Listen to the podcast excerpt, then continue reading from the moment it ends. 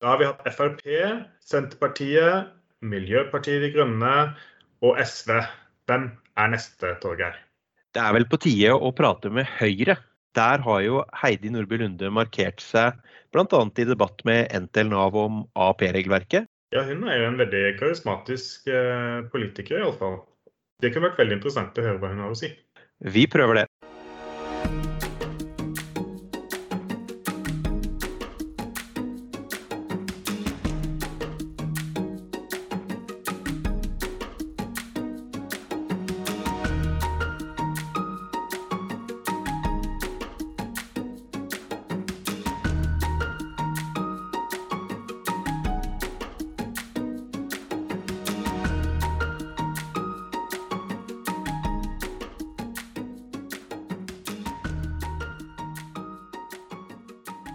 I dag har vi besøk av Heidi Nordby Lunde fra Oslo, leder av Oslo Høyre og av Europabevegelsen. Møtt i Stortinget siden 2013, sitter nå i arbeids- og sosialkomiteen, hvor hun er andre nestleder. Studert kommunikasjon på BI. Tidligere jobbet med bl.a. salg, vært kommunikasjonsdirektør i EasyBring og markedsdirektør i PA Consulting Group. Men bortsett fra som politiker er hun kanskje mest kjent som blogger under navnet Vampus. Hun ble bl.a. den første vinneren av prisen Gullbloggen tilbake i 2005. Velkommen til oss. Jo, tusen takk. Litt mer om deg i starten her. Hvorfor blei du politiker? Jeg har egentlig aldri villet bli politiker, men det er forskjell på det å bli politiker, som f.eks. Eh, bli folkevalgt inn på Stortinget. Det skjedde jo i 2013. Men å bli politisk aktiv, det, det, da var jeg 16 år, så jeg tror ikke det var sånn kjempebevisst eh, valg, eh, egentlig. Men jeg husker jo at jeg var veldig opptatt av den retten til å kunne være seg selv. Retten til å kunne være annerledes. Og få respekt for at man var forskjellig som mennesker. Og det fant jeg egentlig eh, Det hadde jeg veldig få å snakke om, helt til jeg eh, kom i kontakt med et miljø hvor det var veldig mye debatt om nettopp dette med individets frihet um, og individuelle rettigheter. Og det var ikke Unge Høyre, for der har jeg aldri vært aktiv. Men jeg møtte da uh, først et miljø i Oslo Fremskrittspartiets Ungdom, um, som var veldig opptatt av, av, det. Og de satte mye ord på tanker og følelser som jeg hadde, og ga meg en politisk plattform som jeg for så vidt har stått på siden. Du lurte litt også om du kan fortelle oss noe om deg selv som folk flest ikke vet? Ja, Det er sånne spørsmål som jeg alltid syns er litt sånn rart å svare på. For det første, hva er interessant for folk å da vite, hvis de ikke vet det fra før? Eh, hva vet man fra før, utover at jeg har gitt eh, usosiale kutt et ansikt i Norge? um, nei, altså ja, av ting som jeg tenker som jeg sjøl er kanskje litt stolt av, da, at jeg har gått Kilimanjaro, for jeg er ikke sporty. Det var et resultat av en omfattende kjærlighetssorg hvor jeg skulle gjøre noe som jeg visste han ikke ville ha gjort. Og vise at jeg klarte å gjøre det sjøl. Eh, men når dere da eh, snakker om min arbeidserfaring, så begynte jeg jo som sekretær og garderobevakt. Eh, og har også jobba på, på, gulvet i flere år. Så, så, direktør er helt på slutten av, av, mitt arbeidsliv før jeg kom inn på Stortinget, og var relativt kortvarig. Så jeg føler meg nok nærmere andre titler enn jeg føler meg identifisert med en direktørtittel. For der har jeg aldri vært veldig komfortabel, for å si det sånn. Jeg hadde noen opplevelser som, som garderobevakt også, hvilke forventninger du blir eh, møtt med. Og så skal jeg ikke si at eh, garderobevakt ikke er godt nok i seg selv, men jeg satt jo bl.a. og studerte til, eh, til X-Fill, hvor jeg så pelskledde damer som kom inn med stor sympatiblikk og liksom Ja ja, dette var det du ble, jenta mi. Hvor jeg tenker jo jo, men du står nå der i pelsen din på dagtid og lever åpenbart på mannen dins penger, så jeg vet ikke hvem av oss som er verst stilt. Eh, jeg har et liv foran meg, og du har et liv bak deg. Så jeg tenker, eh, Som er veldig fordomsfullt av meg også, da, må innrømmes. Men, eh, men, jeg husker jeg satt der og tenkte og gjorde mine refleksjoner noen ganger også på hvordan man møter mennesker som er i andre stillinger enn seg selv. Så jeg har veldig stor respekt for når jeg møter, hilser alltid på bussjåføren, har en god tone med garderobevakten osv. Fordi det er viktige jobber. Og det kan være gøy å stå der, men det kan være også veldig slitsomt. Så hvorfor ikke bare møte alle med den respekten vi fortjener alle sammen. Nei, men Litt opp på Nav, da. Det er jo tema for dagen. Eh, litt sånn stort og bredt spørsmål starter vi med. Hva er Navs viktigste rolle, etter ditt syn? For meg så blir jo Nav ofte altså synonymt egentlig med velferdsstaten uh, som sådan. Til tross for at Nav egentlig er større enn det. Det er mye velferd i, i å utbetale pensjoner også, og selvfølgelig um, mange andre roller som, som Nav har. Men eh, i Høyre så sier vi jo at velferdsstaten skal være mye for de som trenger det mest, og kanskje da litt mindre for oss andre. Da vil jo Nav være den rollen som velferdsstaten har. Så som liberal-konservativ så, så, mener jo vi, at, eller i hvert fall jeg, da, at vår største plikt er å gjøre det beste vi kan for å forsørge oss selv, og så plikter vi å hjelpe andre. Men i Norge så har vi organisert oss litt annerledes enn at det bare er holdt på å si, privat omsorg som er der ute. Men, men den velferden vi som personer også yter til vår familie og venner, er jo også en del av velferdssamfunnet vårt. Men i tillegg kommer Nav som velferdsstaten og skal være en støtte der hvor uh, vi andre butter. Men jeg elsker jo uh, Navs um, formålsparagraf. Som er vel et eller annet med at, altså, vi skal møtes med respekt, er vel ene delen. Men, uh, og dette her er tatt ut sitat for å få det riktig, bidra til sosial og økonomisk trygghet og fremme overgang til arbeid og aktiv virksomhet. Og det er jo kjernen i Nav, og det syns jeg er en av de fineste formålsparagrafene jeg vet om. Så alt man kan gjøre for å um, oppfylle intensjonene bak det som står der, det tror jeg er noe av det viktigste vi kan gjøre både for, for samfunnet vårt, men også for det enkelte mennesket. Du snakker jo dette om, om eh, at vi, vi yter til, eh, til, folk, og en av ytelsene som er kanskje viktigst, er jo sykepenger. Og vi har jo i en internasjonal sammenheng et høyt sykefravær her i Norge. Eh, hva tror du det skyldes? Ja, så er spørsmålet om vi skal snakke om sykelønn eller sykefravær, og så er om det er en sammenheng. Og det er vel nettopp om det er en sammenheng som er en del av den politiske debatten som alltid blir litt betent. Men jeg eh, tenker jo at vi har et eh, høyt sykefravær også fordi vi har et inkluderende arbeidsliv hvor veldig, vi har mye høyere arbeidsdeltakelse generelt enn land eh, rundt oss. Eller kanskje ikke nettopp de rundt oss, men, men det som er vanlig. Så jeg tror nok at vi, uansett hvordan vi innretter sykelønn eller andre ordninger, så vil vi ha litt høyere sykefravær, og det er greit. Men vi har også uforklarlig høyt sykefravær på enkelte områder som, eh, som selv når man har korrigert det, ikke forklares eh, på noen som helst annen måte enn eh, OECD, som da sier at vi har veldig rause velferdsordninger, ehm, og at det kan være en sammenheng der. Det betyr ikke nødvendigvis at man skal gjøre noe med sykelønn ut mot arbeidstaker. Jeg syns Sysselsettingsutvalget nå har kommet med noen forslag som er verdt en debatt, nemlig innretningen av den ut mot arbeidsgiver f.eks. Hvordan kan vi gi arbeidsgiver mer insentiv til å eh, gjøre noe med langtidsfraværet? Ehm, men det er ingen tvil om at Norge kommer veldig høyt, eh, høyt opp på sykefraværet, også eh, eh, hvis vi sammenligner med Danmark og Sverige, som man skulle tro har omtrent samme arbeidsmarked og arbeidsdeltakelse som oss selv. Men den debatten kan vi jo ikke ta, for da blir det med en gang kommer jo grøftes ut i kutt i sykelønnen, som jeg syns er veldig synd, for jeg syns at debatten fortjener mer enn det. Men jeg hørte en interessant refleksjon fra en FAFO, jeg tror det var en forsker fra Fafo som også reflekterte rundt dette med forskjellen på eh, kvinner og menn. Eh, og Det kan være mange grunner, eh, men de har jo alltid korrigert for f.eks. barnefødsler. Og selv med det så har kvinner uforklarlig høyt sykefravær. Men hun mente at det også var en sammenheng mellom at kvinner går oftere til legen.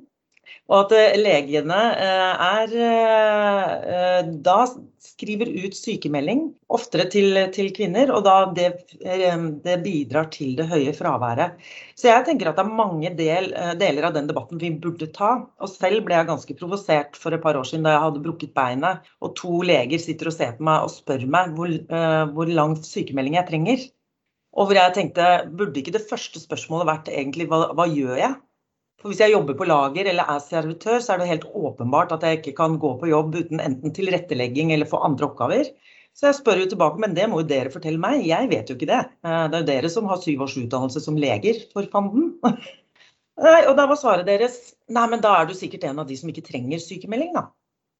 Og da ble jeg litt sur, kjenner jeg. Fordi enten så har du et medisinsk behov for sykemelding, eller så har du det ikke. Så eh, det er mange, jeg synes det er mange interessante debatter der som dessverre ikke får nok oppmerksomhet, fordi at man er redd til å havne i den sykelønnskuttfella som noen ikke er en relevant debatt i Norge, da ingen av de store partiene, inkludert Høyre, er for å gjøre noe med nivået på sykelønnen. Eh, men da, men da syns jeg i hvert fall at vi kunne tatt oss tid da, til å debattere eh, andre problemstillinger rundt det. Mm. Over til AP. I 2018 da ble AP-regelverket endra. Stønadsperioden ble redusert til maks tre år. Mulig forlengelse til to år på toppen av det. Og vilkårene for å få forlengelse de ble strengere. Er AAP-regelverket sånn som det er nå, sånn som det bør være, etter ditt syn? Jeg tenker at Det finnes ingen regelverk eller system som er perfekt. Altså, um, og, og, som ikke trenger endringer. Men det er sånn farlig å si at eh, nei, her skal vi gjøre mye endringer når, ikke, når det er, kanskje er justeringer som, som, trengs. Men jeg husker jo også debatten fra da uh, de første um, endringene kom. For da vi kom inn i regjeringen 2013, så var jo denne ordningen bare tre år gammel. Og den var jo ment å være i fire år. Og Det betød at alle som kom inn på ordningene i 2010, eh, og som ikke hadde fått den raske og tette oppfølgingen som ble lovet fra, eh, fra eh, politikerne at Nav skulle gi dem, eh, de sto jo, det sto 70 000 AAP-mottakere som sto i fare for å falle ut av ordninger i løpet av seks måneder da vi kom inn i regjering.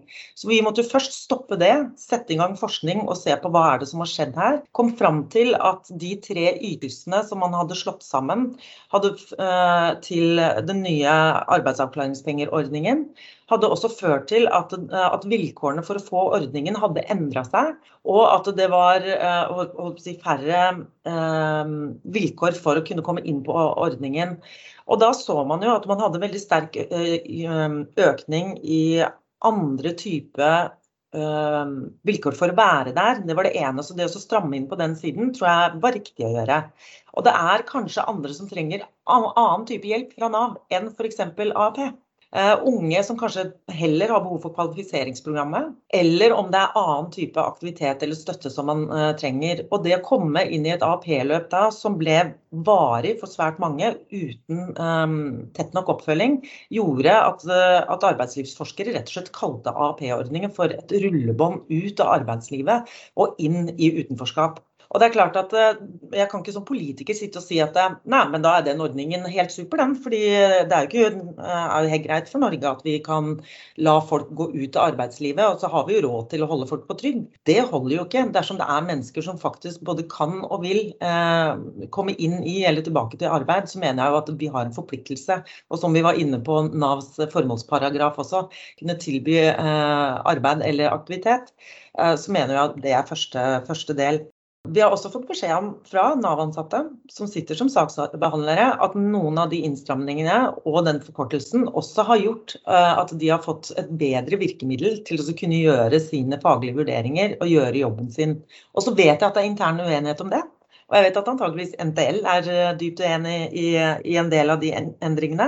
Men jeg er samtidig også glad for nå at man eh, gjør en nødvendig endring som er dersom det er mangel på behandling i helsevesenet som gjør at du ikke har kunnet uh, delta i aktiviteter og ikke kunnet bli avklart tidsnok, så skal det kunne forlenges. Og det mener jeg er helt riktig å gjøre. Men å mm. se på Nav i seg selv som perfekt, vi skal ikke gjøre noen endringer i ytelser eller ordninger, annet enn å øke dem og eh, gjøre at de omfatter flere. Eh, det mener jeg er feilslått politikk.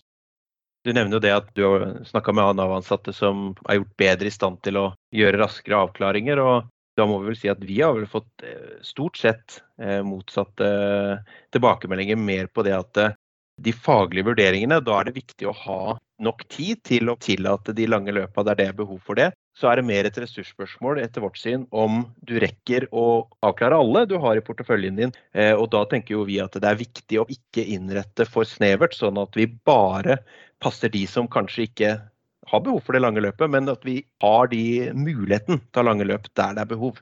Det syns eh, vi er det viktigste i den sammenheng. Da. Mm. Ja, da, ja, jeg, som sagt, jeg har hørt begge deler, men det å si at tre år er et kort løp, eh, tror jeg nok at svært mange vil, eh, vil synes er litt underlig. Vi har jo eh, Altså når du skal rehabiliteres på Sunnaas f.eks. Etter, etter en alvorlig skade, så er det ikke nødvendigvis et treårig løp som er det beste, men, eh, men, å legge inn aktivitet og styrke der man kan gjøre det, og når man kan gjøre det, det er jeg helt enig i. Men det er ikke mm. nødvendigvis de lange løpene som er det mest hjelpsomme for flertallet. Da vi kom inn i 2013, så tviler jeg på at det egentlig var 70 000 eh, som eh, hadde trengt det fireårige løpet. De ble gående altfor lenge fikk for mange forlengelser. Og sånn sett ble vanskeligere også å hjelpe tilbake igjen til arbeidslivet. fordi at blir, eh, når du først har falt utenfor, så er det vanskeligere og mer krevende å løfte deg opp og inn igjen. Og det er det som er min bekymring. Eh, nemlig det at jo lengre du blir gående utenfor, jo vanskeligere blir det å få deg tilbake. Både deg selv mentalt og mestringsmessig, men også på virkemidler og hvilken type arbeid og aktivitet um, du trenger for å komme til, tilbake igjen. Så jeg mener jo at det er usosialt å faktisk uh, la være å, å, forsøke å gjøre noe um, på en bedre måte når vi ser at, uh, når vi ser at resultatet ble at altfor mange blir gående altfor lenge. Jeg er jo enig i det, bare så det er sagt òg, at uh, tre år er Eh, for, altså for, de aller fleste så er det uansett uh, for lenge. Jeg bare tenker at uh, det er andre verktøy enn maksperiode som bør settes inn som støt for å, de, for å hjelpe de raskere. Mm, Nå har det vel blitt gjort en, en, endring på nettopp de unge under 24 år, på endring i ytelsen. Uh, for å likestille mer med f.eks. Kvalifik kvalifiseringsprogrammet, som jeg mener er riktig å gjøre. Men også sånn at det ikke skal være store forskjeller mellom de som deltar på kvalifiseringsprogrammet og de som deltar eh, på aktiviteter knytta opp mot eh, AAP. Men at man prøver å finne riktig løp til de det gjelder, sånn at de, de får det de trenger, eh, helt uavhengig av ytelsen. En siste aktuelt tema i Nav som ytelsesmessig er jo dette med arbeidsledighet.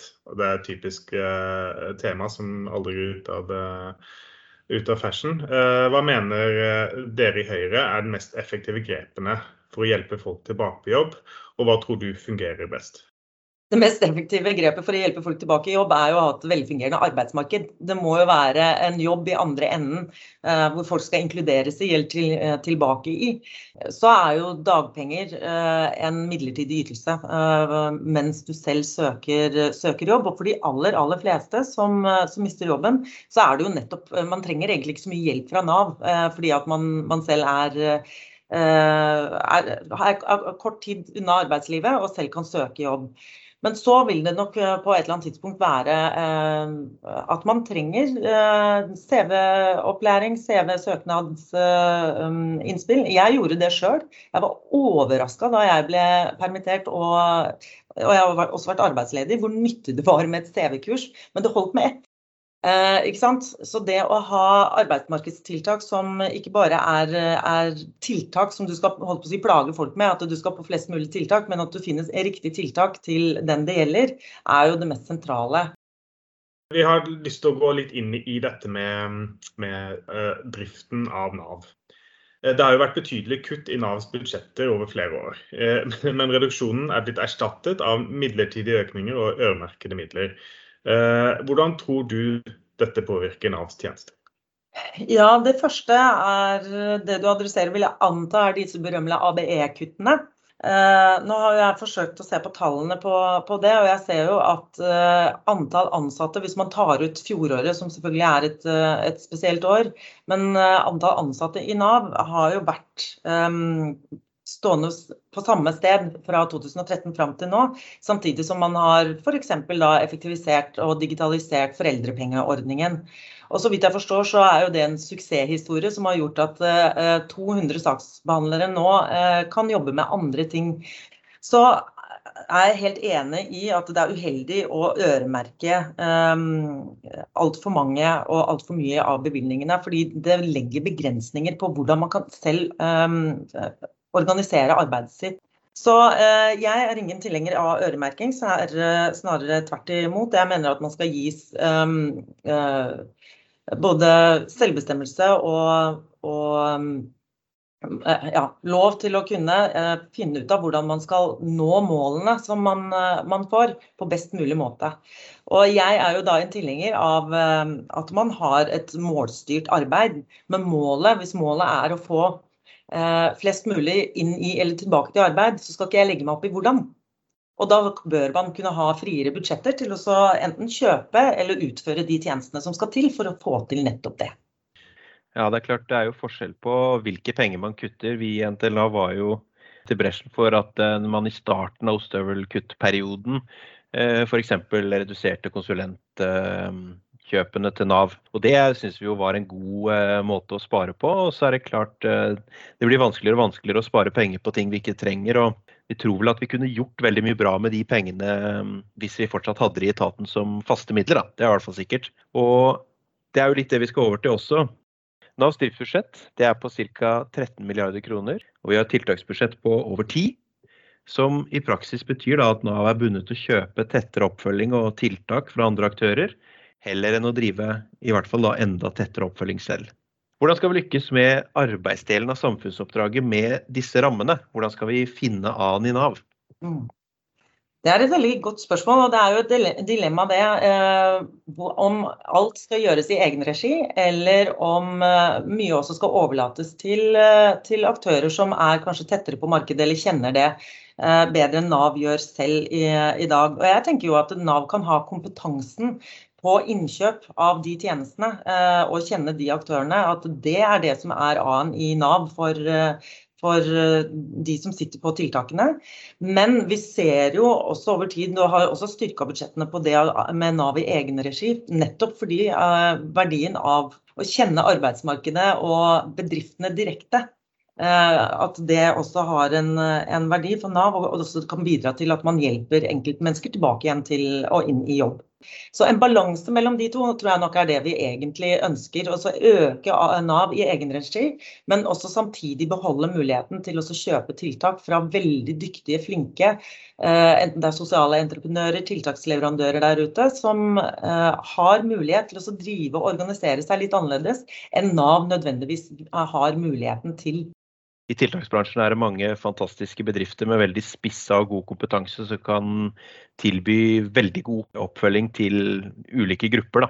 Og så tenker jeg at eh, oppi den potten så er det også en del som Nav kan gjøre bedre sjøl. Nav-kontorene drives jo i dag i partnerskap mellom staten og den enkelte kommunen. Hva syns du om den modellen for eh, å organisere Nav-kontor? Den er krevende. Men samtidig så, så, ser jeg jo noen fordeler ved f.eks. For å knytte eh, den si, kommunale delen av Nav til kommunens tjenester. Så er spørsmålet hadde vi klart å få det til gjennom en annen type organisering.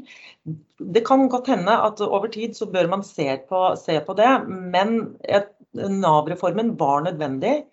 Ehm, så ble det organisert i den partnerskapsmodellen som vi kjenner fra i dag. Og vi ser at det er utfordringer og dilemmaer med den, men samtidig så ser vi også at det noe der hvor det fungerer veldig godt lokalt, så, det, eh, så vil det være synd å ødelegge for nettopp, ehm, nettopp det lokale initiativet. Og der hvor kommunen jobber veldig godt med Nav også. Så, men, men, det er ikke noe tvil om at det er dilemmaer der. Akkurat som det er eh, Vi i Høyre er jo opptatt av lokal selvråderett. Og jeg må si at eh, Av og til så jeg, er jeg ikke så begeistra for den, særlig når jeg hører f.eks. Nav-brukere eller, eh, eller mennesker med alvorlige funksjonsnedsettelser som ikke får den hjelpen de trenger i den kommunen de bor i, fordi at budsjettene er stramme og, og kommunen prioriterer å heller f.eks. bygge kulturhus, og da sier at mm, det var litt synd, for da har vi ikke råd til den eh, rampa til rullestolen din.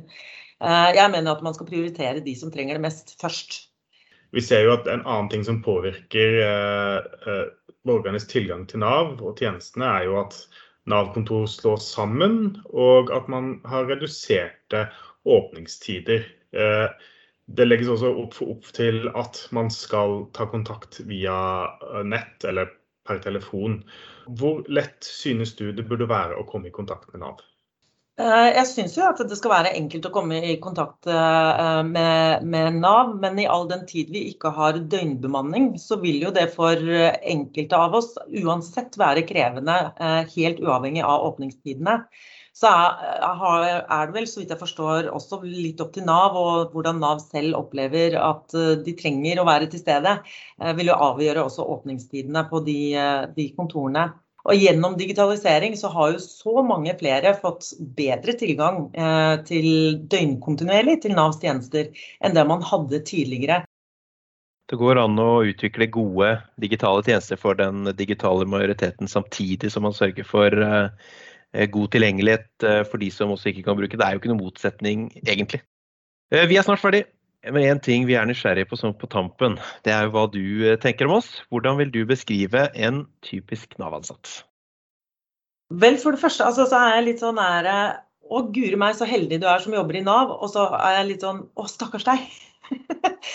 Ehm, det siste først. Altså jeg tror det er, eh, det er mange fordommer rundt det eh, Nav gjør, og mye sinne der ute som eh, Nav-ansatte får helt urettferdig og urettmessig kritikk for. Det er jo vi politikerne som egentlig burde få mye av den kritikken som Nav blir, blir utsatt for. Det er vi som har lagt forutsetningen for de tjenestene, og det er vi som bevilger pengene. Det er vi som, som egentlig fortjener mye av de skyllebøttene som Nav-ansatte får. Men tilbake igjen til der vi begynte litt. Eh, så heldig man er å få jobbe i, i, Nav. For igjen, jeg mener jo at Nav har en av de beste formålsparagrafene i, i verden. Det å kunne skape økonomisk eh, trygghet, eh, være synonymt med velferdsstaten. Det å være mye for de som trenger det mest, må være utrolig tilfredsstillende. Altså, alle kan bli syke, alle kan bli arbeidsledige. Jeg er nå 47. Eh, jeg, antageligvis har jeg fire år igjen på Stortinget. Jeg vet ikke hva livet bringer etter det. Jeg kan bli syk før det. Eh, jeg kan bli arbeidsledig etter. Eh, det at jeg kommer til å ha behov for Navs tjenester igjen, er jeg helt overbevist om lenge før jeg blir pensjonist. Og da ønsker jeg et robust, velfungerende Nav som evner å se meg som menneske og gi meg den beste hjelpen jeg kan få. Og det håper jeg jo at jeg som politiker også uh, hvert fall gjør mitt beste for at Nav i dag skal være for alle andre.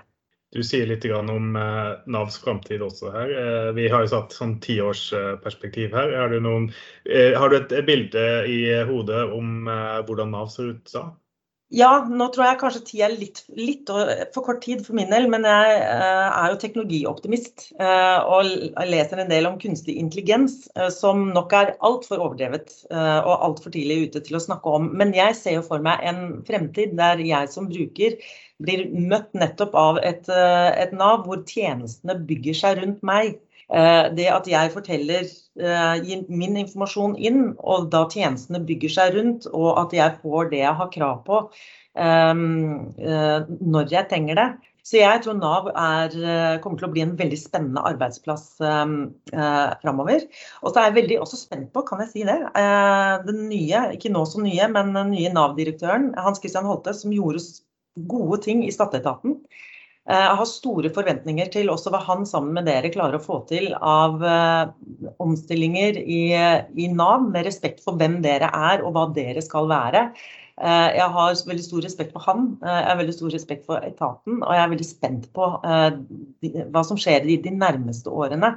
For jeg tror at Nav er en veldig spennende arbeidsplass, og at det er store muligheter til å gjøre spennende ting der på vegne av hele Norges befolkning. Så, så, tusen takk for den jobben dere gjør, eh, og også at dere gir politisk motstand. Eh, setter også pris på det. Og, og også at, eh, at, dere er en stemme ute i offentligheten som kan sette oss litt på plass, komme med ny og bedre informasjon, men også at dere er villige til å lytte, sånn som dere har gjort, gjort i dag.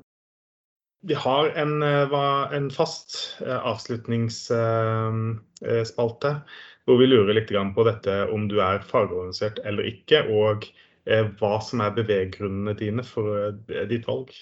Jeg har aldri vært eh, fagorganisert.